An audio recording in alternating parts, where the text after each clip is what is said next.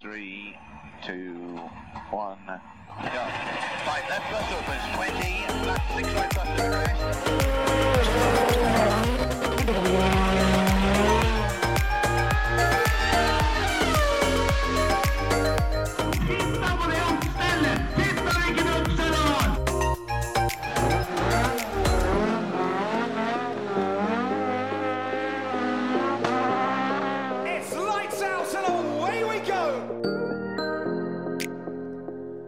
Da var det ny føremøteepisode, Hans Martin.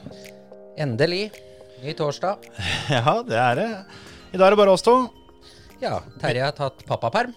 Han har tatt pappaperm og ikke blitt pappa helt enda. Neida. Eh, med mindre det skjer noe mellom innspilling og publisering av episoden. Men eh, vi kan ikke gi en helt fri. Neida. Sjøl om han slipper eh, personlig oppmøte, så tenkte jeg at vi må jo ringe og høre åssen det står til med han. Han kan ikke, kan ikke få lov å ta helt beina på bordet ennå, syns jeg. Men det får vi gjøre litt seinere, for uh, vi må jo vi må kose oss litt først. Vi uh, har jo sittet her og hatt oss en liten prat før vi begynte. Og det, du har jo hatt med den, den nye pokalen uh, vi skal dele ut på Talentrace i år, blant annet. Ja. Eh, vi har jo delt ut en Spikers pris der nede før, og den pokalen der har jo eh, Den har vært ganske rå. Den er vel halvannen meter høy eller noe sånt. Ah, ja, ja, den er ikke mye om å gjøre. Like høy som fullsås omtrent. Ja, den, ja som, som fikk den i fjor, da. Stemmer det. Og eh, det er en vandrepokal. Ja. Men nå, nå har vi klint det, og vi skal ikke si så mye mer enn det. Men det er eh, den som eh, får den prisen i år, kan kose seg, altså. Ja, ja, ja. Det eh, Talentrace, der er påmeldinga åpna. Starta nå denne, tidligere denne uka. Og det har allerede rent inn påmeldinger. Ja, det er he helt rått. Skikkelig moro, så det kommer til å bli akkurat så fett som vi forventa at det skulle bli. Mer Talentrace kan dere høre hver eh, mandag her eh, i, på, på disse flater, for å si det sånn. For da er det jo Tre strake, Bilcross-podkasten vår, som handler om Talentrace. Ny episode hver mandag. Og eh, ja, mange har vi laga nå. Fem-seks stykker allerede. Ja. Kommer det da ny man, eh, hver mandag fram mot løpet. Og vi ringer til folk og tar litt tempen på åssen det står til i garasjen rundt omkring. Mm. Apropos bilcross, tenkte på det at eh, vi har jo vært litt eh, krasse og delt ut litt kjeft eh, i retning eh, det nye budsystemet og det gamle budsystemet og alt som har med bud å gjøre i det store og det hele, egentlig. Ja, ja, delt ut kjeft og kjeft. Vi har vært litt kritiske, da. Det er Ja, jo, det er altså, sant. Hvis alle bare skal være positive hele tida, så skjer jo ingenting. Nei, det er akkurat det. Men nå har det skjedd noe. Ja, og nå må vi være positive. For Ja. det der, det viste seg at det ga kling i bollen. Det funka, og det, da skal de få skryt, altså. For Selvfølgelig. eh, NK Elverum hadde to løp i helga. Hadde ett løp på lørdag og en juniorfestival på søndag. Begge to var da med det nye digitale budsystemet, som har fått en overhaling eh, gjennom vinteren. Eh, og det var jo behov for, det som, det. som vi har gitt uttrykk for. Det har de jo også ikke altså, det, har ikke vært noe hemmelighet at de, dem har skjønt det sjøl, da. Og Det nye, nye systemet det kom jo. Det er ikke så, det er ikke mer enn 14 år siden vi hadde en, en god prat om det og ikke hadde spesielt eh, trua på det. Eh, Da var ikke vi klar over at de hadde kommet så langt som de da tydeligvis hadde gjort. At det var klart for eh, livetest allerede nå. Men som vi sa den gangen, ingenting ville glede oss mer enn om at de kommer med et system som funker. Og det kan det se ut som at de har eh, gjort. Det tok et kvarters tid med over 700 bud på lørdag. Det, det er rått. Da begynner vi å snakke, altså. Men da... er det så gøy lenger da med bud? Ja, det er, jo, det er jo gøy å på en måte rekke hjem eh, så du rekker nedom puta før du skal på jobben eh, på mandagen, liksom, da, hvis du har kjørt eh, todagersløp. Ja, folk kan slutte å ta med seg campingstol på budeopplesninga, holdt jeg på å si. Det, Nå har det vel da blitt sånn at det som irriterer folk nå, er at det tar, det tar så jævlig lang tid med premieutdelinga. ja. Noe skal det klages på.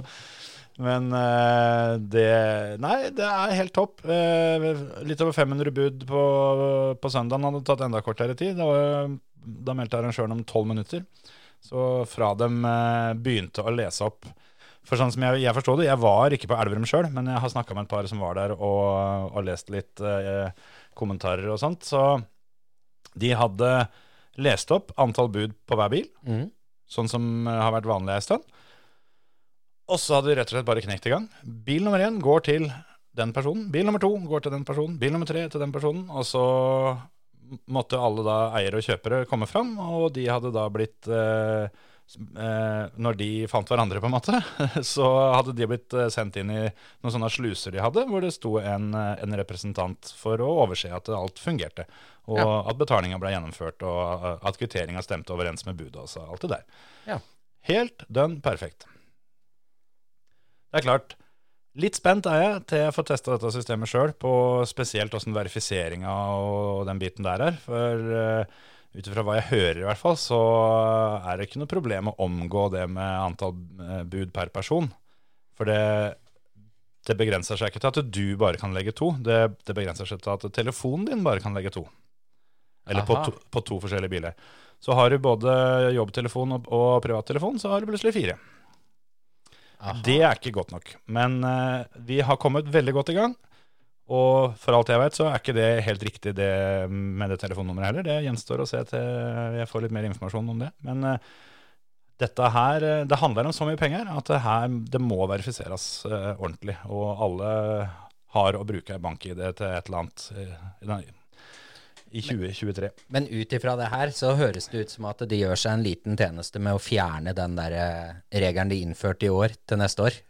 Ja, altså det, det er jo Vi har vel kanskje snakka om det før, men det var jo sånn i gamle dager at eh, det, da var det ett bud per bil per person. Hvorpå det ble lagt bud i alle mulige bekjente og holdt på å si daue tanter og øh, katter og bikkjer, liksom. Det var en grunn til at de kutta ut det systemet.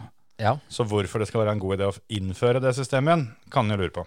ja, og i hvert fall hvis det lager masse problemer for dem sjøl, i forhold til dette her med Ja, med å verifisere og det ene med det andre, så hadde det kanskje bare vært bedre å kjørt på med Fri flyt. Ja. Det ser jo ikke ut til at det har blitt noe særlig mindre bud enn før. Eh, På Kongsberg var det over 1700 bud. mm. Og eh, nå er det ikke så lenge igjen til vi får storløpa på rad og rekke, da, landskamp og talentrace og det ene og det andre, og da får vi jo svaret. Mm. Men eh, så er det samtidig sånn, da. Arrangørene av landet vil jo ha mest mulig bud. NBF vil ha mest mulig bud, for de tjener jo penger på dette her. Eh, bilkjøperne vil jo kunne legge mest mulig bud. Så det er jo bare de som eh, har bil, som, som ikke vil ha bud. Og da er det klart at eh, når det handler om så mye penger og inntekter, så er det jo ikke nødvendigvis en superiver etter å begrense det heller. Nå har vi jo innført noe for å vise at eh, de, vi er på saken. Så kan det bli med det. Ja, jeg, Men, jeg jeg, håper i grunnen det, bare for, sånn for arrangørene òg. For hvis noen begynner liksom da med, med å være jævla steile på dette her med verdifisering og det ene med det andre, så trenger du plutselig masse folk, da. Ja, Og det Ja, det er akkurat det. For det er jo sånn som vi sa før, hvem sin oppgave er det å håndheve? Og Ja. jeg tror den, at sånn som jeg har fått det forklart nå, så er det det nye systemet fungerer sånn at hvis budet ditt er godkjent, så er budet godkjent, på en måte. Da er det ingen som eh, kan si noe mer på det. Og der er det Det går på telefon, da, og ikke, ikke person. Så hvis jeg tar med telefonen til guttungen, så er det, Ja, du- er det greit. Og, og, og det står også at, at arrangøren kan be om legitimasjon. Der er det to ting i den setningen jeg legger merke til. Det er kan og arrangøren. Det åpner ifølge den setninga ikke for at eh, selgeren kan be om identifikasjon. Nei, så på vei til Gol så stikker jeg innom på Telia, og så kjøper jeg meg ti kontantkort, så Nettopp, har jeg plutselig Nettopp.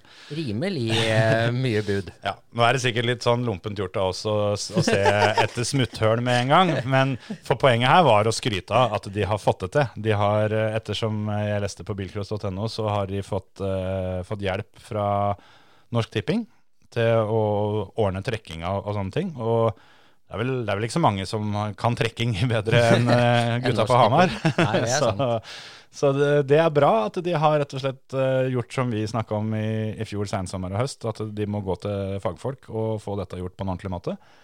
Så um, jeg syns eh, Therese Bru Larsen eh, og den gjengen hun har hatt med seg, som har stått i, spissen for dette her, sånn, eh, fortjener en stor tommel opp for at de, de har, fått, har fått til dette her. Mm. Og vi er veldig klar over at uh, det blir jo ikke perfekt over natta. Nei, nei, nei, nei, og det er jo ikke det jeg mener heller, når det gjelder alt dette som vi akkurat snakka om. Men, men litt å tenke på at neste år, altså kanskje det er litt mindre plunder hvis For det er jo helt til du treffer en som, Ja, ja. som skal se dette her. Ja. Og jeg, jeg har tenkt som så, eh, det er ikke sikkert at ideen er dritgod, men eh, jeg har tenkt det, at, for det har jo også vært mye fokus på det med de 70 kronene som MBF skal ha her, at det er kanskje litt i overkant da, i forhold til hva de penga går til. Men hvis du kan slå to fluer i et smekk her, la oss si at du uansett hva slags, eh, hva du har fra før av lisenser og sånn, si at du er nødt til å kjøpe en, eh, en budlisens. Si den koster 200 kroner av 300 kroner, f.eks. Og den må du ha for å legge bud. Uh, og den gjelder for hele sesongen. Da da får MBF da inn si 200 kroner da, per person som skal legge bud hele sesongen. Så kutter jeg ut de 70 kronene. Det blir mye mindre penger til NBF hadde, men 200 kroner per budgiver tipper at det står seg med tanke på hva de har av utgifter til det uansett, og vel så det, for å si det sånn.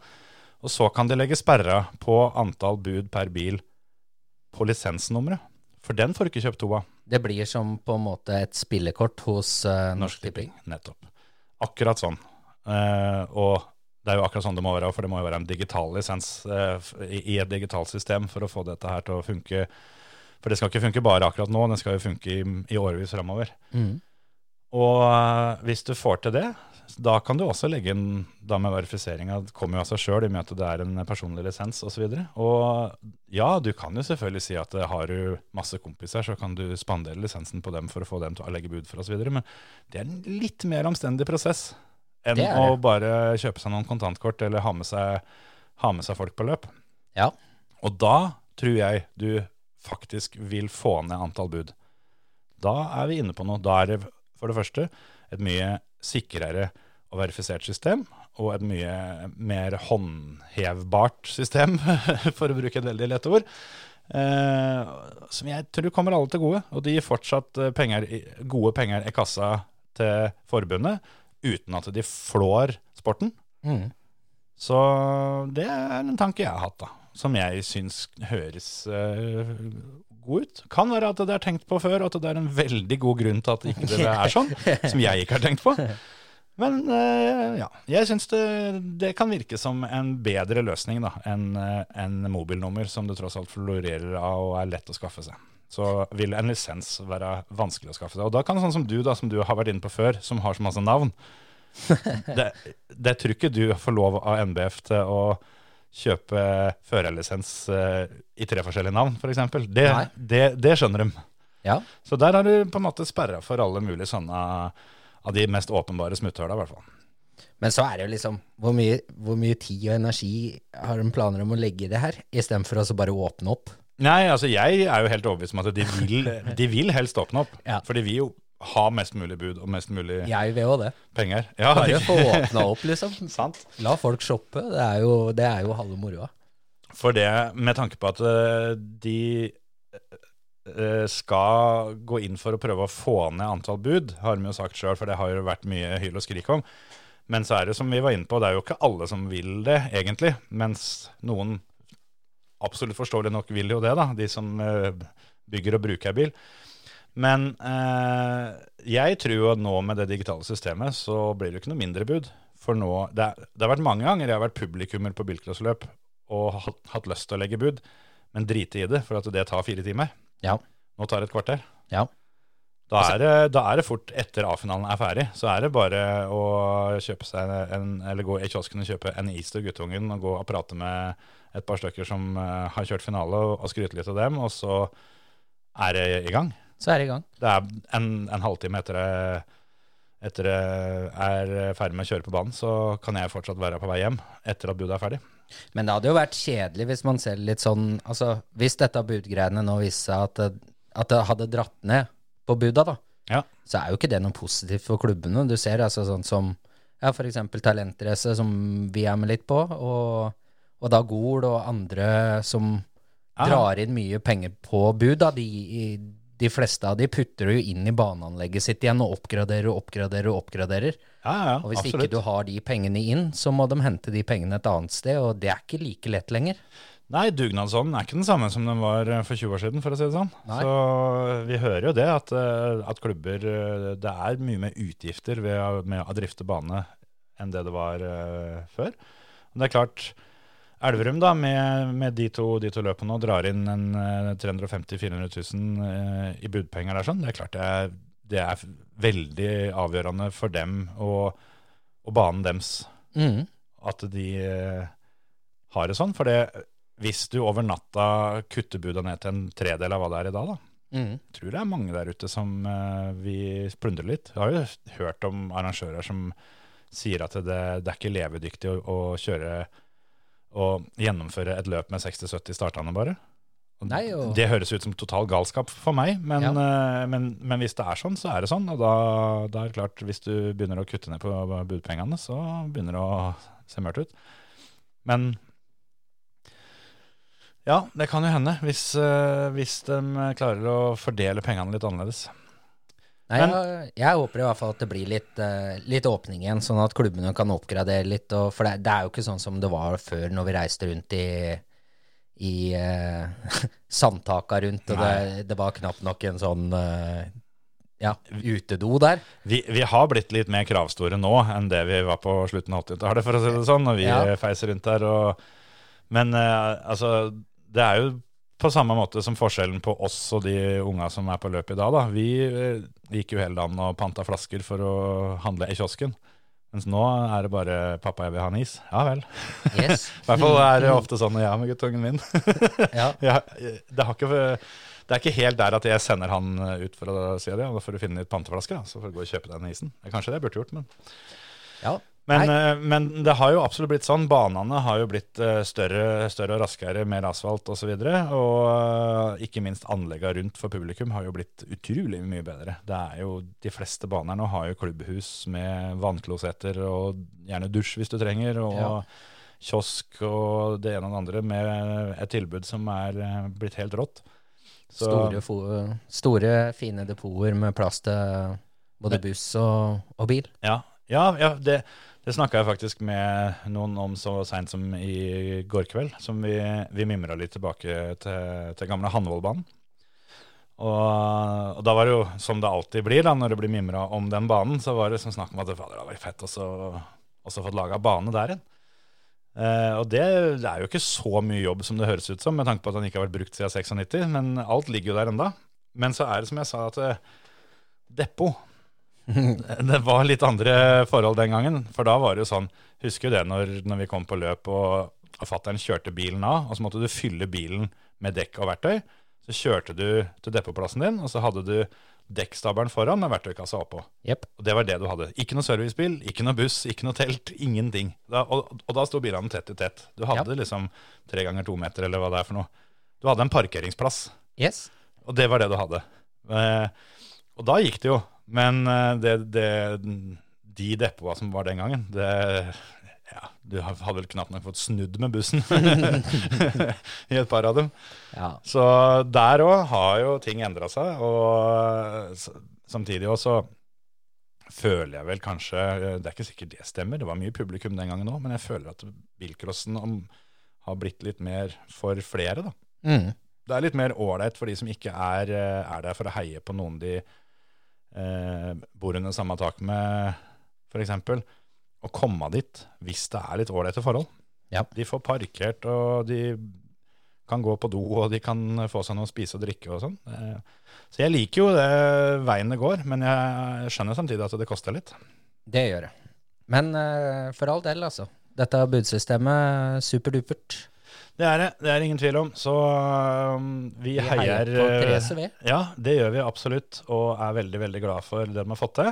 Og etter det hun uttalte til bilcross.no, så er jo hun åpen eh, for forslag til forbedringer. Så det, det vitner jo om at de anser seg ikke som i mål. Nei.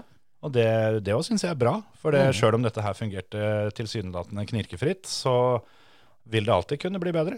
Og det tror jeg det kommer til å bli. Det er nesten eh, litt rørende at de kom gjennom uten en eneste liten barnesykdom, for å si det sånn. Ja. For eh, da har de tydeligvis gjort en god jobb i forkant med testing og sånne ting. Og Talentrace, da, som, eh, som vi er litt involvert i, skal jo bruke dette systemet. Ja.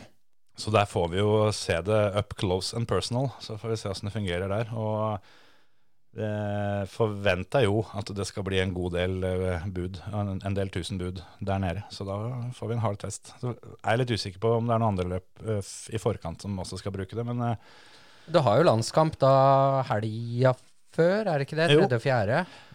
ja. Det ville vært rart hvis ikke de skulle til der òg. Jeg, jeg, jeg har ikke sjekka tilleggsreglene, så jeg veit faktisk ikke. Men det kan godt hende at de òg skal teste det. Det ville jo ikke vært uh, unaturlig, det. Nei. Men jeg tipper nok det er veldig mange der ute som har sittet og venta på denne første testen som NMK Elverum har gjort. Og det, det kommer nok mange. Nå som dette fungerte så bra, så vil det overraske meg om det er noen som nekter, på en måte. Eh, og tilbyr begge deler, for all del. Kjør på. Eh, og det hadde de gjort på Elverum òg, men der hadde de hatt eh, Er det det sto i, i den saken? da, De hadde hatt fire budluker eh, tilgjengelig for å legge bud på gamlemåten, og hadde vært nødt til å stenge to av de, for det var ikke folk. Så alle stort sett uh, fikk til dette digitale systemet, det er veldig viktig. At det er brukervennlig, og at det er noe folk skjønner. Mm. Det har de også da tydeligvis fått til. Så det er mulighet for å få brukt opp de gamle konvoluttene. Hvis du liksom kjøpte en kartong i fjor, så er det Ja, fremdeles ja, sjans. ja, ja det, det tror jeg. Eller om eh, det gamle systemet eh, på en måte er sånn at du kommer dit og skal gjøre det på gamlemåten, men da er det da noen som hjelper deg og legger det inn digitalt for deg. Ja, et eller annet er sånn som jeg, jeg forsto det. Jeg er litt usikker på åssen det er, eh, for i og med at systemet er nytt og at det går på mobiltelefon. Hvis du har glemt mobilen hjemme, da, f.eks. Eh, Tom for strøm. Ik- ikke minst. Det er kanskje, det er kanskje en- mer aktuelt. Nå er det jo nå, Det er jo neste som kommer nå. Det blir jo ladepunkt rundt i forskjellige steder i depotene, så Kanskje folk får eh, strøm på telefonen. Kanskje vi må få laga noen sånn føremøte powerbanks som, vi, som, vi, som vi kan selge når vi er rundt på løp. Det, er- det var ikke dumt. Nei, nei, nei.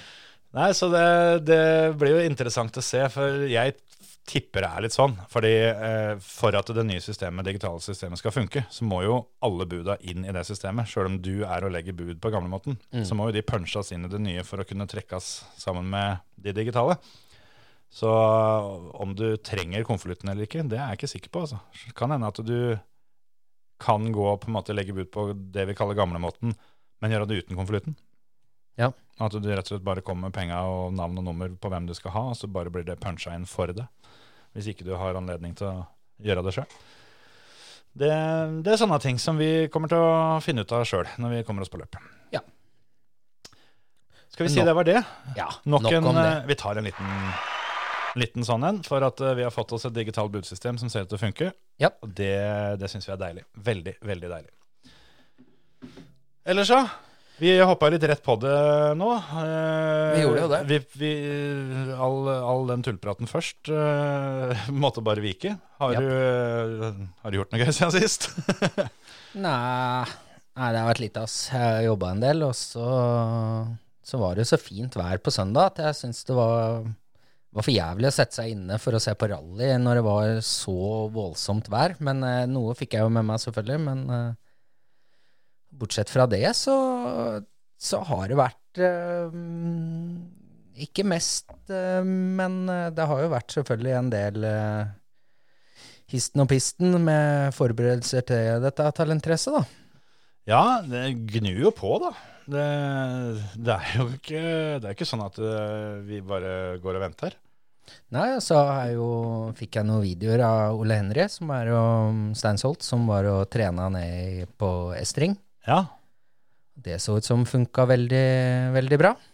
Når er det han skal Er det der han skal kjøre neste gang, eller? Nei, det er første runden han skal kjøre med denne elvogna. Det er oppe på, på Hell, Ja, ja, ja. ja. Det er ikke så lenge til det heller. på VM-runden der. Nei, det er vel helga etter talentrace, Ja. så det blir vel ja, Stemmer det med 17. og 18. juni eller noe sånt? Noe sånt, tenker jeg. Mm. den gata der.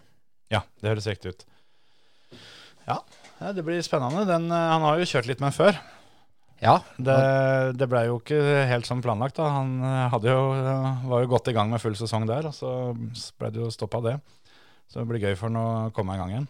Jeg hadde vel en annen plass, eller i hvert fall pallplass. Jeg er usikker på om det var andre eller tredje, men han var vel på pallen på, på Lyden Hill med den der. Jeg var ikke i Barcelona han kjørte første løpet som det gikk veldig bra. Jeg er ikke- Det er, det er ikke sikkert han var på pallen der, jeg er ikke sikker, men eh, jeg mener å huske at han gjorde det jævlig bra i Barca med den bilen. Ja, Det begynner vel lenge siden. ja det gjør det. Gøy blir det uansett. Eh, Jeg for min del eh, har også nytt godt av at det var fint vær i helga, men jeg fikk med meg en del rally allikevel, heldigvis. For det var et ganske artig løp, syns jeg. Og jeg veit om en til som fikk fulgt med litt, og det, det er deg, Terje. Ja, ja, ja. Jeg følte, følte meg ganske mye. Nå er det mange som lurer, vet du, for dette var helt magisk. Plutselig var du her. Har du, Mhm. har du sittet og hørt på oss hele tida? Ja, jeg er alltid med dere uansett. Det er eh, Du har kanskje ikke sett de der kameraene som jeg satte opp hjemme hos deg? Eh, nei, uh, det Nei. Nei, men Det er meninga det er meningen at ikke de skal synes, så det, det er bra, det. Så jeg, jeg er alltid med deg, jeg. Ja, har du fått egen uh, bruker på YouPorn og alt, du, da, som eh, bare Alt er lasta opp, og jeg, jeg er, eh, tjener store kroner om dagen. Satan.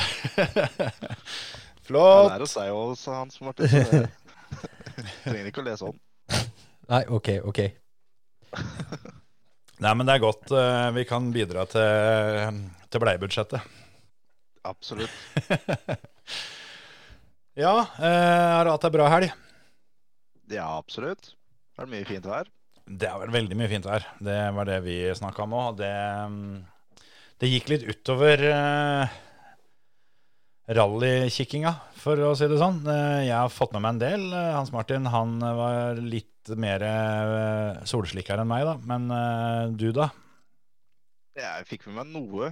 Jeg så ikke så mye på fredagen. Jeg så en del på lørdagen og litt på søndagen. Ja. Det var jo sånn, altså når det er, når det er igjen fire-fem biler, liksom, da er det Det er ikke like fett å følge med, altså.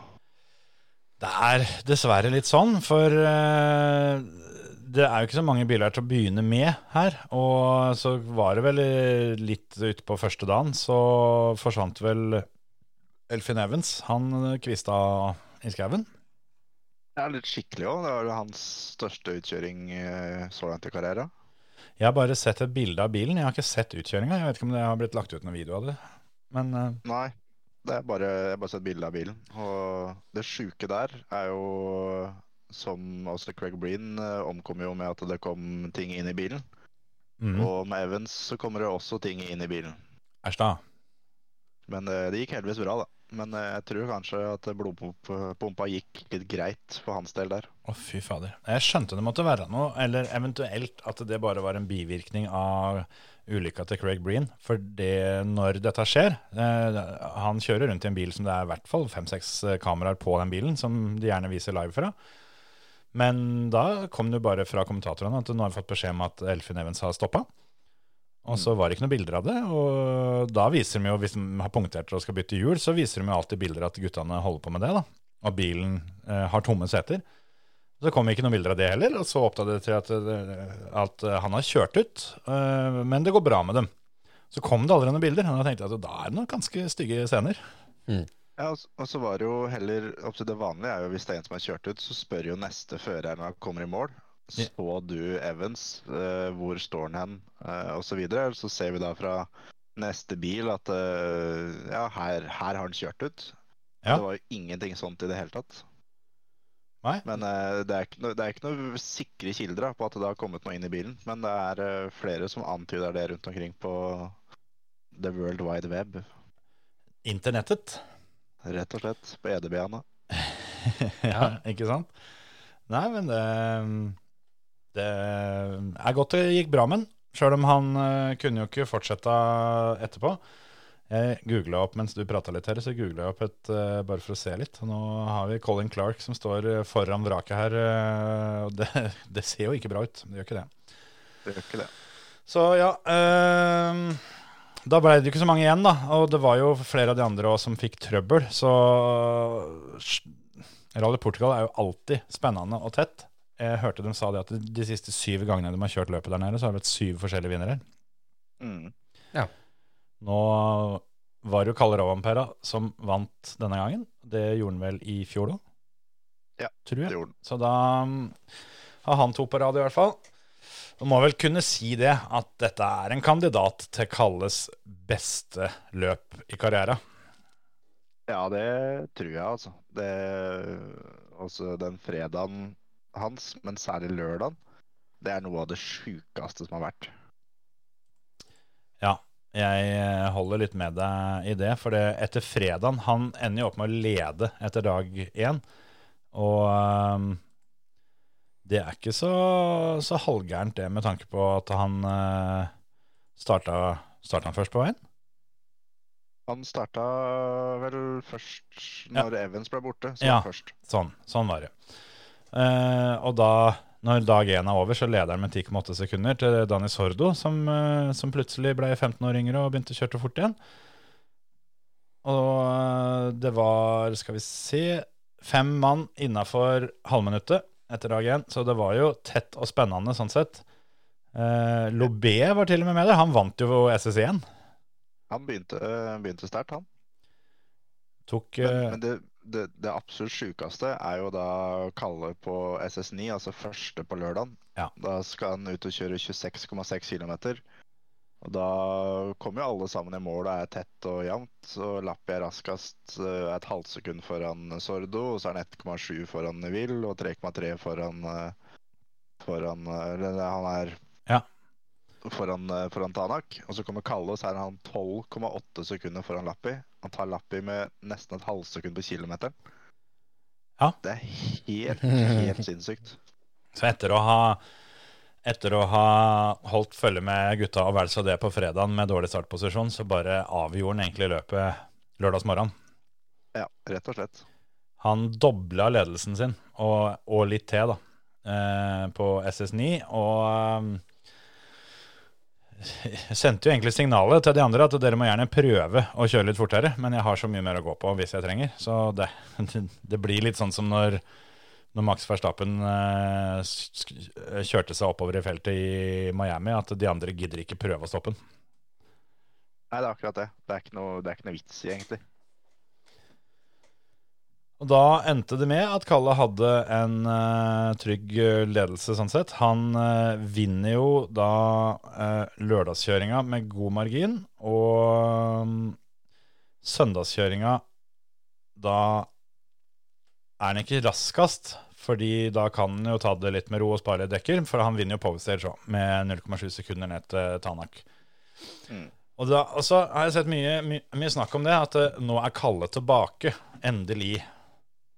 Men så har jeg tenkt litt på det at uh, har Kalle egentlig vært borte tidligere denne sesongen, sjøl om han ikke har drevet og vunnet løp? Eller har det bare vært litt sånn uh, hvem sier av stolpen det skuddet går på? For han har jo, han har jo vært raskest allikevel, sjøl om han ikke har tatt flest poeng.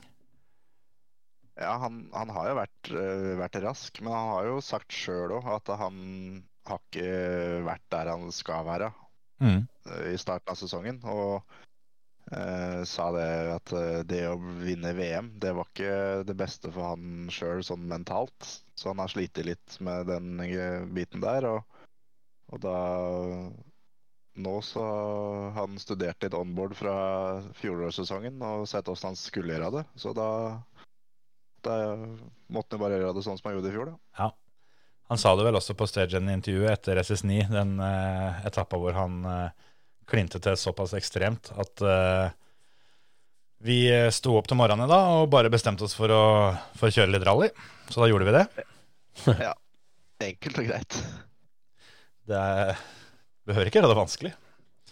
Men det er ganske sjukt. På lørdagen så er jeg da Kalle raskest av alle, og Neville er nest raskest hvis du kun tar lørdagen. Og Ja. Kalle er 42,6 sekunder raskere enn alle andre.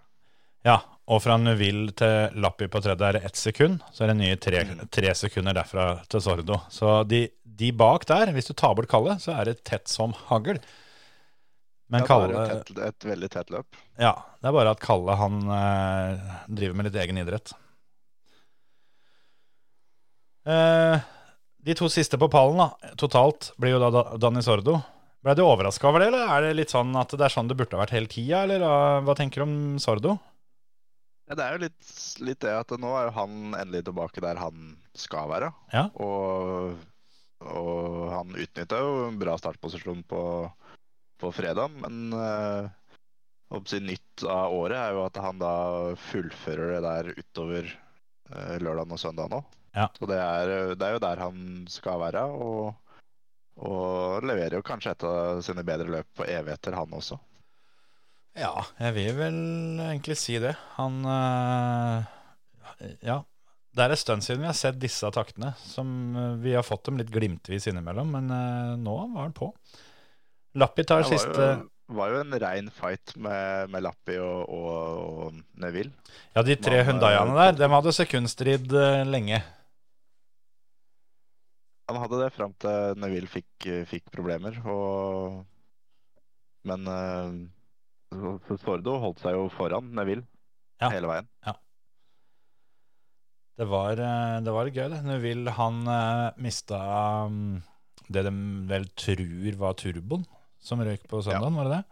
I hvert fall så var det ikke noe power i bilen, så han eh, trilla bare gjennom alle fire etappene på, på søndagen. Og det, det å si jo litt, da. At eh, når, du har, når du skal kjøre en hel dag eh, som du kjører i Som om du skulle kjøre til butikken, på en måte, i det tempoet der, og tape mange minutter, men eh, ender opp med å beholde femteplassen totalt. Mm. Så er kanskje er- ikke konkurransen helt det Det var ikke så mange andre som uh, kjørte hele søndag på bånn gass. da. Nei, det skal sies, men eh, ja. Han ender jo da på femte Neville. Uh, Tanak er fjerde. Lappi tar den siste pallplassen, bare for å ha sagt det. For jeg skal over til en, en som kjørte på med full gass på søndagen. Det var nemlig Oliver Solberg. Ja, det var litt vilt. Det var, Den kjøringa der. Eh, Det var egentlig hele helga, fra fredagen.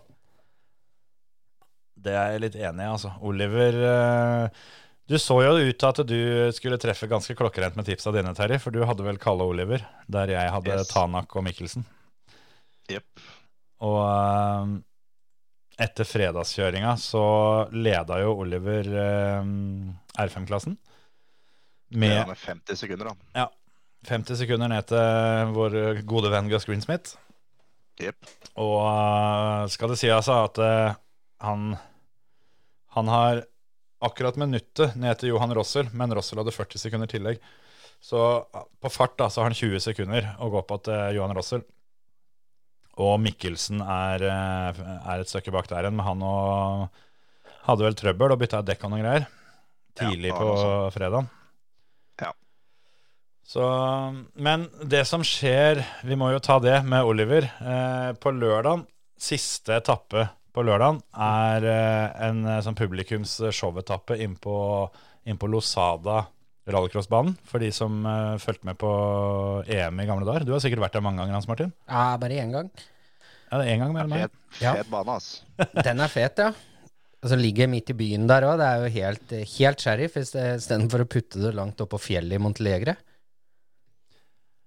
Det kan hende at det er derfor at de er på Montalegre og ikke der lenger, da, siden det er midt i byen. At det er litt klager. Ja, men når jeg var der sist, så tror jeg det var i 9-10-tida. Ja, på, på fredag så begynte vi å kjøre bilcross, og det var ikke Det var ikke mest eh, På av- kvelden? På kvelden, ja. det kan jo ha vært noe innvirkning, det, da, men eh, ja. Nei, det, det var i hvert fall en jævlig kul bane.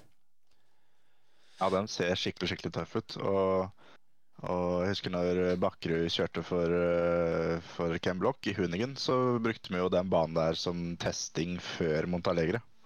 Ja, Ja, det Jeg kan ikke si jeg kjenner til den banen så veldig fra før, men eh, den så ordentlig fet ut. Der, men der har de i hvert fall laga en sånn superspesial eh, for publikum som er 3,36 km lang. Hvor de, altså det er jo sånn som alle rallyer stort sett ofte har. Det var, var mer av det før, da, når de kjørte 2 og 2 på stadion i Falun og sånn. Men det er ei etappe som er designa med ett formål. Det er å showe for publikum.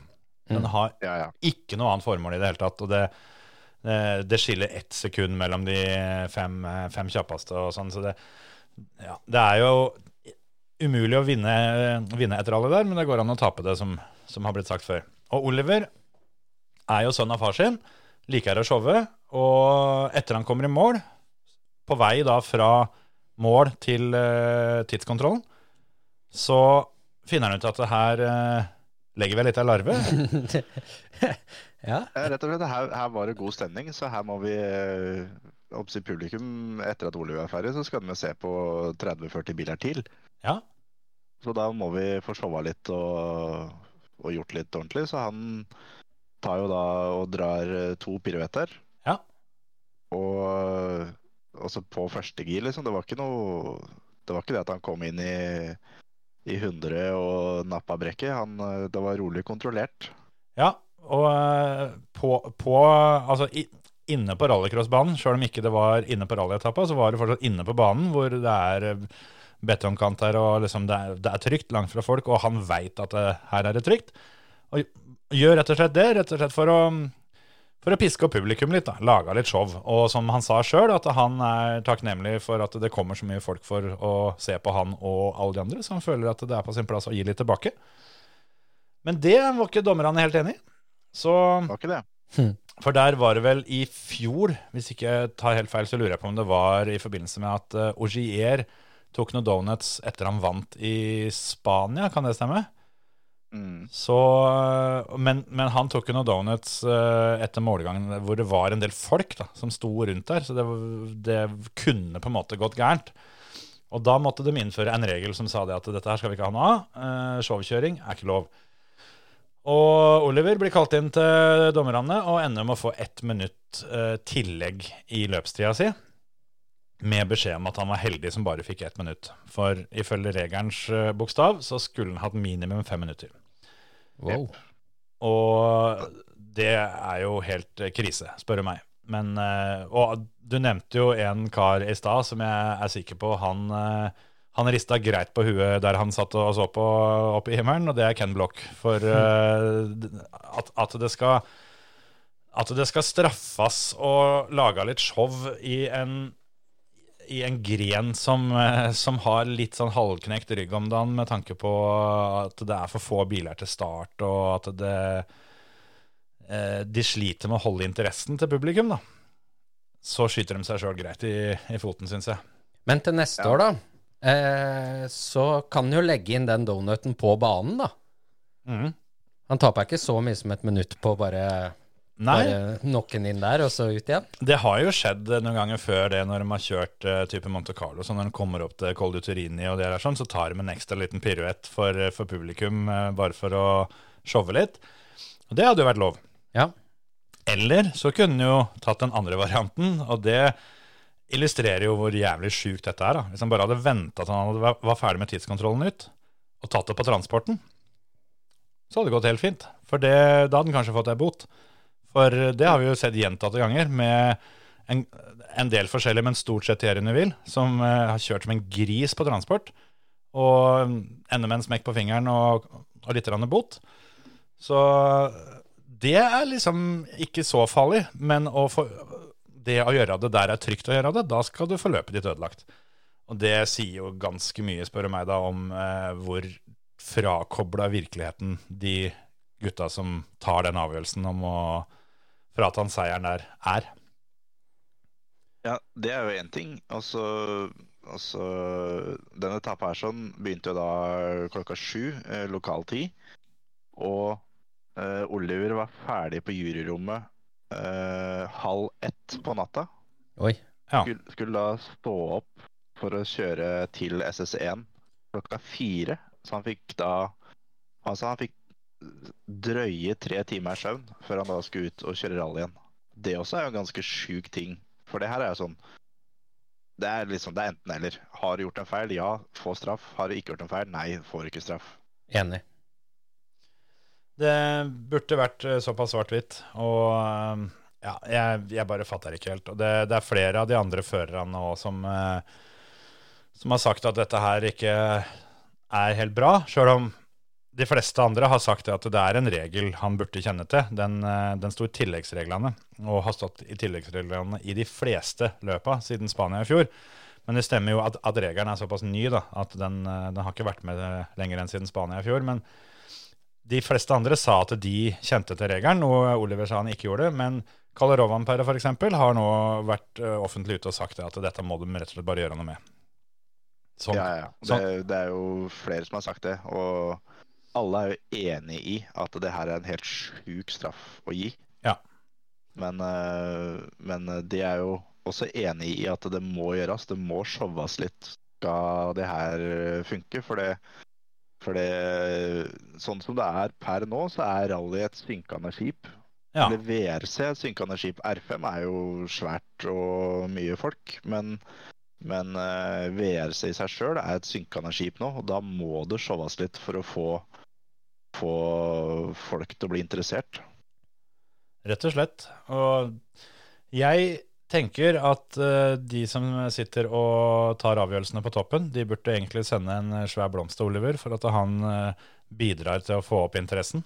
Isteden så dytter de han ned i søla, gir han ett minutt tillegg, og det fører jo da til at han starter søndagen eh, 24,6 sekunder bak Gus Greensmith, istedenfor å ha et drøyt halvminutt ledelse. Og det skal jo sies det at eh, eh, han kontrollerte gjennom hele lørdagen. Så han, Ja, had, skikkelig. han hadde jo mye mer tempo hvis han ville på lørdagen, men han, eh, han kontrollerte jo inn. Da. Så det òg blir jo litt sånn kjedelig i ettertid. Men da bestemmer Oliver seg, sjøl om han egentlig får beskjed om at du vinner ikke dette løpet. For med fire etapper på søndagen, så er det normalt sett sånn at eh, har du ti sekunder, så skal det gå greit. Har du 15, så er du trygg. Eh, I hvert fall hvis du er Ogier. Han har jo sagt det flere ganger, at eh, gi meg 15 sekunder til søndagen, så, så er løpet over. Med 24-25 sekunder bak for Olivers del, så setter han rett og slett i gang. Men klarer det nesten. Han ender opp 1,2 sekunder bak i mål, og da vinner han jo alle fire etappene den eh, søndagen. Åpner med å ha sjettetida totalt.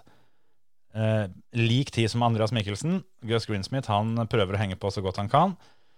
Eh, nei, han vinner ikke alle. Han eh, blir slått av Gryasin på, på andre etappe av søndagen. Men Power Stage-prøva, der eh, Altså, de som har mulighet, prøv å finne den videoen av Oliver på Power Stage, for det er rallyporno, altså. Der det satses kanskje litt over evne til tider, men stort sett er sånn, så er det så presisjon og så ferdighet at du skulle tro han hadde gjort dette her i 40 år, altså. Det er så mjukt og deilig å se på åssen han tar en del av de der svingene der, med haka nedpå magen eh, i kjent Solberg-stil og alt sammen. Så um, Men jeg må bare. Du først. Du først. Ja, eh, det som er sjukt, er jo da å si første på, på lørdag. Nei, på søndag. Så er han jo da likt med Mikkelsen, men eh, slår gress med to og et halvt sekund. Innpå den etappa så snurrer han jo i tillegg. Ja. Og en snurring er eh, alt mellom 5 og 10 eller 15 sekunder. Så han sitter nok nå og tenker gjennom eh, det løpet at eh, hvis ikke jeg hadde gjort det, så hadde det gått fint. Hadde jeg ikke gjort det, så hadde det gått fint. Men det er jo for seint å tenke på nå.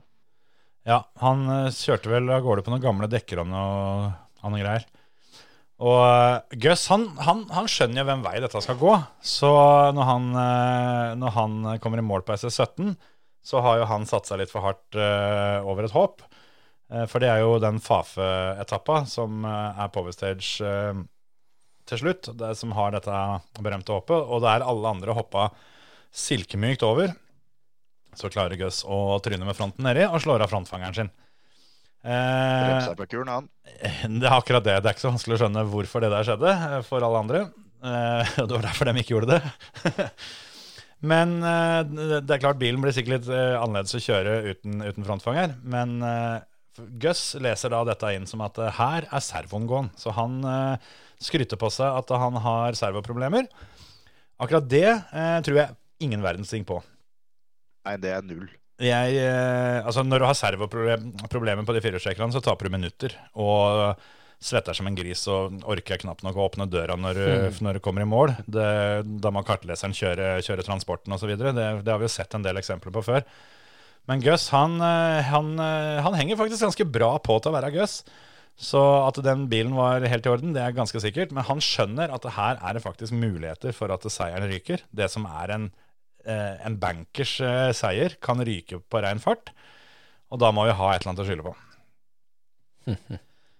Og Gus klarer det med 1,2 sekunders margin. Han ryker eh, Power Stage med forholdsvis mye der. Han uh, er var 7,8 sekunder eller noe sånt bak Oliver han var. Herregud.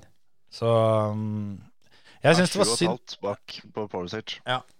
Jeg syns det var synd. Oliver hadde virkelig fortjent den seieren. Så, um, men det var litt uh, trivelig å se på TV-bildene, da. eh, for da filma den jo pappa Greensmith. Og han var greit nervøs og greit letta så fort han eh, fikk sønnen sin over mål. Og det første han gjør, er å reise seg opp og gi Petter Solberg en god, god klem. For dem, eh, dem satt i samme teltet og fulgte med. Så god, eh, god stemning der, i hvert fall. Men det, det jeg skulle skyte inn i stad, det var at eh, altså når de først har lagd en sånn regel som det de gjorde etter Spania i fjor, da, Ja. så ville det vært feil å ikke håndheve den nå. Ikke sant? For det, du ville jo fått kritikk den andre veien da, ikke sant? hvis du har lagd en regel om at ikke det er lov, og, og så skjer dette her, og så hadde de ikke gjort noe med det.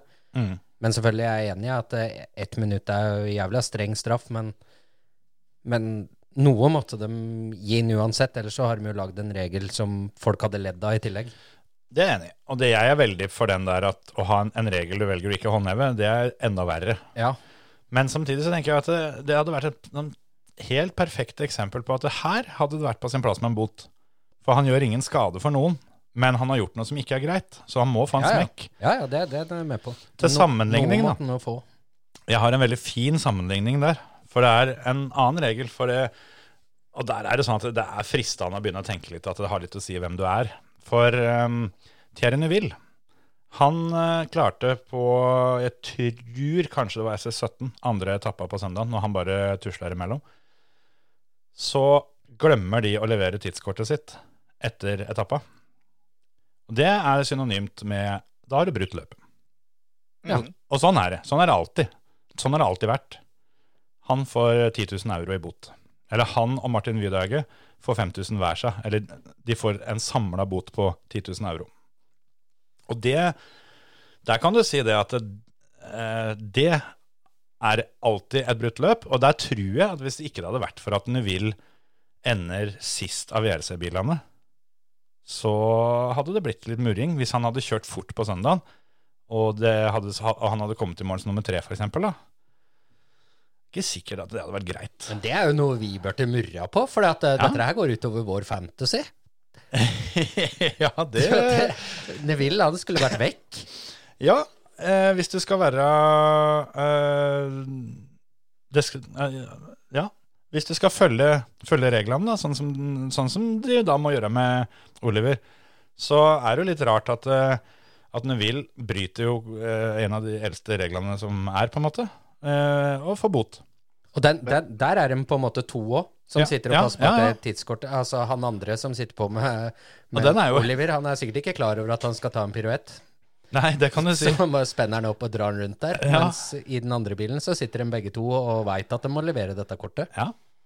Men, men det, som, det som er, når han ikke har levert det- det tidskortet, så er jo han egentlig fortsatt ikke i mål på den, den etappa. han. Nei, det kan du faktisk eh, si. Det, det er en sånn Det er, jo- det er jo sånn, Han har jo ikke levert den, og da er jo ikke han i mål på den prøva. Og da kan jo egentlig ikke han starte neste, for han er jo fortsatt ikke målt på den forrige. Nei, Nei. altså, du kan ikke sjekke inn på SS18 før du har sjekka ut SS17. Ja, så har Morten kjørt tilbake og levert kortet. Ja, men det er jo, det er jo derfor at eh, har du ikke levert kortet, så har du brutt løpet. For da, som oftest betyr jo det at du er igjen inne på prøva. At det er derfor Ja, det er ikke, det. ikke du får levert det. Så, så, så han fikk bare bot. Og eh, som nevnt før, det er, eh, det er eh, kanskje Thierry Neville som oftest slipper unna med å ikke følge reglene. Mm. Eh, Daniel Sordo fikk også bot. Eh, han fikk 1000 euro i bot, og det var fordi at han hadde på seg feil caps på pallen. 1000 euro? 1000 euro, og hvis det skjer igjen i løpet av de neste tolv månedene, så får han 15 000 i bot. Å jøss. Så For et sjukt system. Altså. ja, det, er, Det er dyre caps her, da. Det er helt galskap. Ja, altså her, du, du kan kødde med mye rart, men i hvert fall la være å kødde med sponsorene. Så det der, der eh, er spesielt, og du, du ser jo en del, og det er, det er flere som kommer i mål. og Banner og smeller litt, og det kommer med kritikk til Pirelli, både skjult og mindre skjult og alt sammen. og det, det skjer ingenting, men eh, spør du Mats Østberg, så kan han signere på at det ble gjort Altså sånt ble slått ned på hardt før. Så eh, ja, jeg syns det er litt for mye trynefaktor, for å være helt ærlig. Men det der Pirelli-greia òg, når du først nevnte det, herregud for noe dritthjul. Det må være det dårligste svarte, runde tingen som fins her i verden. Ja, det er ikke mye om å gjøre. Altså. Det var gang på gang som det var punkteringer. Og, og føreren kommer inn og sier at eh, jeg er ganske sikker på at vi traff ingenting. Jeg skjønner ikke åssen det skjedde, men nå er det tomt for luft, både i bånn og på toppen. Jeg har alltid vært motstander av enhetsting og tang, ass. Alltid. Hva er vitsen med det? Du får jo bare et dårligere produkt. Det er jo ingen som vil forbedre produktet sitt så lenge du ikke har noen konkurrent. Nei, det Og du kan ta den prisen du vil. Det gjelder i rallycross-NM òg. Det er helt skandale. Helt skandale. Det, det der eh, gjelder i gokart òg, for å si det veldig pent. Ja. Ja. Ja, ja, ja. For så fort du har fått den kontrakten, så trenger du jo ikke lage bra hjul lenger. Nei, nei, nei. Alle må kjøpe dem allikevel. Spiller ingen rolle. Ja, og så veit du at den kontrakta du, du får ikke beholde den i 20 år uansett. For eh, det, den kontrakta får du i så mange år helt til Michelin byr mer penger, som de gjør etter en fire-fem år. Og da skal de på toppen eh, sope inn eh, en bra, bra deal, og så får de en fire-fem år, og så, sånn går dansen. Ja. Og i, i, altså NM sånn nå, med dette her i rallycross nå, det er helt Det eneste som det går utover, det er altså de som kjører. Det er så dyrt til slutt at eh, det er ingen som gidder å kjøpe dekk engang. Altså Så mye krangling også, som vi har sett, spesielt på vinterrally, da, med at det kommer noen nye, nye dekk som bare noen får tilgang til. Ja, ja. og alt det der sånn. Bare rør. Da må du i så fall gjøre sånn som, sånn som VM-rally gjør, da. At du får utdelt dekka på løpet. Ja. For det Skal det, skal det selges over disk, så blir det jo trøbbel. Men det var jo altså tidligere, da. altså Når Petter Solberg kjørte VM-rally, så var det jo fritt. Da kunne du kjøre på hvilke hjul du ville. Og det er ikke så veldig lenge siden det, det gikk over til å være enhet. Men, men på den tida så var det da Michelin og, og Pirelli. Og Subaru-teamet kjørte Pirelli siden de var sponsa av det. Og da måtte jo både Michelin og Pirelli gjøre det de kunne for å være bedre enn det andre. Ja, det er det jeg mener. Og da hadde du vel kanskje den derre BF Goodrich òg. Og så var det et og annet Demak-dekk ute og gikk eh, innimellom, og litt sånne ting. Så det, vi har nevnt det før, og det er så gøy at det er verdt å nevne mange ganger, det. Men eh, vi har vel mye å takke Demak for, vi, eh, Terje, med Elfin Evans i Wales. Ja, og det, du kan takke meg for at jeg visste om D-Mac den gangen. Det er helt riktig. ja. Så det altså, Sånne ting er litt fett, da. Sjøl om på en måte så var jo det der egentlig ikke så fett, for der var løpet avgjort før den begynte. Men det at det, at det skiller litt sånn, og at du kan være litt smart Og jeg tenker som så Hvorfor begrense det til at de må velge det ene? Hvorfor kan de ikke få lov å ha med seg åtte Michelin og åtte- åtte Pirelli, og så ta det fra prøve til prøve, ettersom hva de Ja. mener er best? Hvis det begynner, begynner å regne, så hever vi på noe Goodrich. Det er vel ikke sånn at Pirelli gir bort dekka sine, så du kjøper vel dekka, så må vel kunne få lov til å bestemme hva du skal bruke. Det er, det er, jo, Ja, det er jo ikke rart det blir dyrt. Det er samme som i, i rallycrossen der òg, når det ble VM og EM. Så skulle de ha én leveranse på, på bensin. ja. Ja, Da kjører du bort en pumpe, der står det noen sjekkere og pumper, og du har, du har én slange inn og én slange ut. Hvis ikke du følger med, så har han jo kjørt fem liter gjennom tanken din og ut på andre sida. Som du betaler for. Og det er 30, 40, 50, 60 kroner literen, og så står de og lurer deg i tillegg. Altså, Hvis det hadde vært lov å drepe den gangen, så hadde det skjedd. Hvis det bare hadde vært lov å drepe. Ja, Tenk, tenk det åssen verden hadde vært hvis Det du hadde- hvis hadde hatt sånn når, når du ble født, at du hadde Du har ett drap som er lov å gjøre. Det gjelder å time, altså. Ja, altså Hvis du hadde begrenset det til ett, så hadde det hadde vært en sjanse. Men hadde det vært lov å drepe, så tror jeg ikke jeg hadde sittet her nå, for å si det sånn. Jeg hadde ryket for lengst. Du hadde ryket for lengst, det vet vi alle. Nei, det er kanskje greit at ikke det der er, eh, er helt, helt akseptabelt, da, for å si det sånn. Men uh, ja, ja men si, si du blir oppholdt da, mens du står og fyller BC, at det kommer en kompis og begynner å prate med deg, så, så har du faen meg betalt for tre tanker, ikke sant, som bare har kjørt igjennom der. det er dyrere å prate med han kompisen enn å Ja. ringe de gode, gamle telefonnumra. Og det skal jo ikke, det skal ikke være sånn, ikke sant. Nei, nei, nei. nei. Det er jo Det er kjeltringer overalt. Ja, vanvittig. Apropos kjeltringer, eh, skal du tippe pallen eh, på Imola til helga, eller Terje, mens vi har det her? Eh, ja. Begynner å nærme seg, skjønner du. Vi har sittet og jobba en stund før, før vi ringte deg. ja. Men når det gjelder da kjeltringer, skal jeg tippe den, da, så er det da er det Verstappen først. da, Så er det Peres 2. Så blir Alonso 3, da. Da er alle kjeltringene samla. ja, Du, det er det sprintløp òg i helga, eller? Åssen er det? Oh, det Nei, er det det? det? Det tror jeg ikke. Det må vi ta og finne ut av. Skal vi Men, se mens, mens du finner ut av det, skal vi ta fantasyen åssen det gikk i VRC-en, eller har dere tatt det før jeg kom inn? Nei. Nei, vi har jo ikke det. Jeg klarte nesten å styre unna, men uh, noe sier meg at du har det foran deg, Terje. Det er helt riktig. jeg, jeg for, Kjør! min, for min del eh, bomma jo fullstendig. Jeg skulle jo inn og sjekke dette her, og så viser det seg at de hadde jo starta. Ikke sant? Så jeg hadde vel to mann som kjørte. så det gikk dårlig. Den er litt lei. Men det var jo da Trym Enge Bråten som var best av alle i ligaen, med ganske god margin òg, faktisk. Ja. Det er ganske sjukt. Trymmeren. Ja, at, at han får det til når vi andre ikke gjør det. Ja, at han endelig skulle lykkes. Ja, tenk det, da. Eh, Så var det MS Racing på andre, eh, Rævfræs Racers på tredje. Eh, KML Motorsport på fjerde, Andreas Harlem femte, Kaspersen Racing på sjette, Hagen Motorsport sjuende, Førstelaget på åttende, Jens Bilvask på niende og Jarle D. Oliveira Granheim på tiende. Jeg ble 13. Skal vi bla et stykke, se om vi finner noen av dere, da? Jeg begynte å lure på om du hadde tenkt å lese opp alle til du kom til deg sjøl, men eh, du klarte det nesten. Det var nesten. Eh, Kjetil, du er 44. Ja, det er ikke så gærent. Startnummeret til Hamilton og greier, vet du. Du er på første side, så jeg må over på andre sida, da. Ja, altså med, med kun Kalle og Oliver, så skulle det godt gjøres for meg å havne på første sida, altså. Jeg, Du er eh, med 59, Hans Martin. Ja, der kan du se. Steve Røkland, 73 av 75. Hoi! Jeg slo Steve, da. Han, han er eh, ofte i den ene enden av resultatlista, det er, men det er uvant i den enden. Han kan ha gått på den smellen jeg gjorde, da. Ja, og når du sier 73 han Ja, du sa 74 kanskje, ja. Fordi vi har en 75. med òg, men han har ikke deltatt ennå, så han er sist. Ja.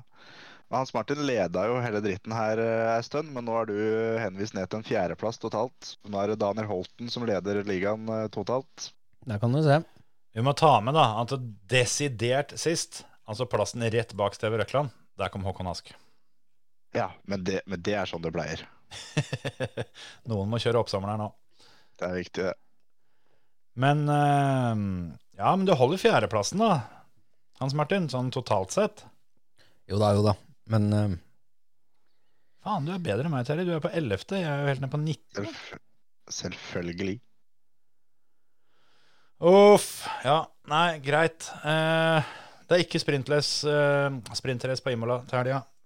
Første treninga begynner halv to på fredagen. Eh, så er det halv ett med tredje treninga på lørdagen. Kvaliken begynner klokka fire, og søndagen så er det løpsstart klokka tre. Det blir jævla spennende, for nå er jo, er jo De fleste kommer med oppdateringer til det løpet her. Ja. Det, Så nå kan det jo bli helt andre resultatlister nå. det er ikke måte på uh, hvor mye eh, oppdateringer det skal komme, så vi får vente og se hva som skjer. Men eh, Norris ble vel tre i fjor. Tror du han blir tre i år? Nei da. Ja, da har det faen meg skjedd mye, mye Eller husker jeg feil? Gjorde han ikke det? Lando Norris? Eh, hovedløpet i fjor ble Lando tredjeplass, ja. Ja. Max uh, foran Perez og Lando, George Russell og Bottas var topp fem. Bottas på femte? Ja, og Hamilton var langt ned, var han ikke det? Helvete. Hamilton ble nummer 13. Eh, god runde bak. Jeg tror ikke han gjør det i år. Da ble Hamilton litt samme som eh, forrige gang, så ble han vel slått av Albon i en Williams. Det er ikke så kult når du kjører Mercedes. Nei, det er ganske kjipt. Men Imola er fet, da. Imola er en jævla Ja, rå ja. bane. Enig. Det, mm, det blir gøy å se. Eh, jeg har ikke noe å legge til. Jeg syns de tipsa dine egentlig er eh, helt greie. Ja, I hvert fall sånn sesongen har vært til nå, så, så er det det der som gjelder. Skal vi velge hver vår overraskelse? Mm. Ja. Du kan begynne, Terje. Yoki Sunoda. Ja, han, er- han syns jeg har vært bra i år. Ja, helt enig. Han, han har eh, Hva skal du si Altså, han Han står jo der med, det, med de to poengene sine, men han hadde virkelig fortjent flere. Jeg Og så, og så er jo det her på en måte hjemmebanen til uh, Alfa Tauri.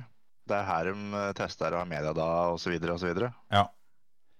Og de har sagt de skal komme med mye bra oppdateringer som de da har testa på Imola. Jeg vet ikke hva jeg tror skal bli. Det er, ikke akkurat overraskelse. Jeg tror eh, Alpine eh, setter på plass skapet og viser at det er de som er best of the rest, og tar grep om den femteplassen totalt. Men det er kanskje ikke noe overraskelse. Så ja, jeg eh, Hvis jeg skal ta en overraskelse, hva faen skal det bli, da? Hvem er det vi skal ha trua på da? Emil Bottas gjorde det bra i fjor, er det lett å si han. Jeg tror Magnussen, jeg. At han eh, klinker til å kjøre fort i løp, for en gangs skyld. Jeg tenkte teamkompisen, jeg. Ja, ja. Hulkenberg. Altså, han må våkne igjen, liksom. For nå, nå har han uh, sovna i et par løp igjen. Ja.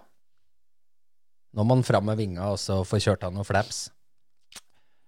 Jeg, tar, eh, jeg bytter her ute. Jeg tar eh, overraskelse, for det ville vært ganske overraskende. Men jeg tror at, det, at Red Bull ikke vinner.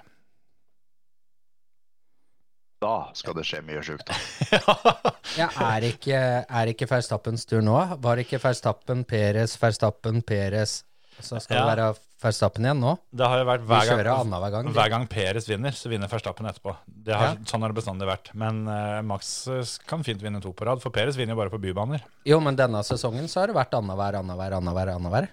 Ja, det har kanskje vært det. Ja. Men da er det Peres en dør, da. Jo, men det er ikke bybane, så det, det går ikke opp. ja, men da vinner Peres. For de kjører sånn. Det er noe de har lagt opp det i år, tydeligvis. Ja. Nei, jeg, jeg, jeg, tror, eh, jeg tror Mercedes vinner, jeg. Ja, Det har vært ordentlig tøft hvis det skjedde litt her nå. Altså. At det blei litt tett i toppen her, og Ferrari blei med litt igjen. og... Leclerc tar pole, som han pleier. Fucker Ja, det til i løpet, som han pleier. Og så skjer det noe greier. Eh, Red Bullene får et eller annet eh, trøbbel med bilen. Og så kommer en Mercedes og bare sniker hele greia. Som er omtrent like sannsynlig som en reprise på da Daniel Ricardo vant til McLaren på Monza. Jeg er klar for overraskelser. Håper på det. Greit, skal vi si det er bra? Har du noe mer å legge til, Terje? Jo, én ting skal jeg legge til. Vi må, vi, vi må bare skyte inn det at eh, når Verstappen hadde ei frihelg, så tok jo ikke han eh, fri, sånn som alle andre. Han, eh, for han driver jo og kjører litt simracing innimellom. Og han tok med seg Diago Pinto og Ole Steinbråten og kjørte 24-timersløp på ringen. Det er litt kult. Det er eh, fett, det. Han, han bruker simracing mye han til å holde seg varm. Ja visst. Veldig, veldig fett òg med Ole Steinbråten i det teamet der. De endte på tredjeplass i totalt, eller i klassen, jeg er litt usikker. Ja, det Eh, er vel samme greiene, tror jeg. Ja, det vil jeg tro. Eh, mye av det de tapte, var fordi Verstappen han eh, kjipa jo inn på utstyret, så han hadde en eh, PC-krasj eh, i, i pitten. Heldigvis så kom det jo der, og ikke en, bortover eh, strekka eller midt i karusellen eller noe. Tapte dem et par minutter på det, da. Så Med, Sånn det, er sam med det samme du har litt sånn nyheter litt utafra. Dette burde egentlig kanskje vært med når vi først var inne på rally, men uh, Carl Peder Nordstrand vant vel uh, tredje runden i Latvia det er fett. i rally. Ja. Det er dritkult. Sånt er bra. Jeg uh, tror nok vi får høre mer derfra, altså, for han eh, tror jeg leverer. Jeg ser det han har vunnet de to første Eller de, de to løpene han har kjørt der borte. Søkte han opp her nå. Klasseseier i både Rallys Sarma og Rally Al Aloksene, eller hva det heter for noe. Jeg tenkte på det i helga i hvert fall, så gjorde han det ganske bra. Ja, ja han, eh, han er oppført med to uh, Latvia-løp i 2023 og har vunnet klassen sin begge gangene. Tipp topp. Ja, det er faktisk tipp topp. Og han kjørte jo da talentrace i fjor, så hadde jo vært gøy hvis han uh, tok seg en liten ferie fra Latvia og kom og kjørte talentrace i år òg. Ja, jeg syns i grunnen det, altså.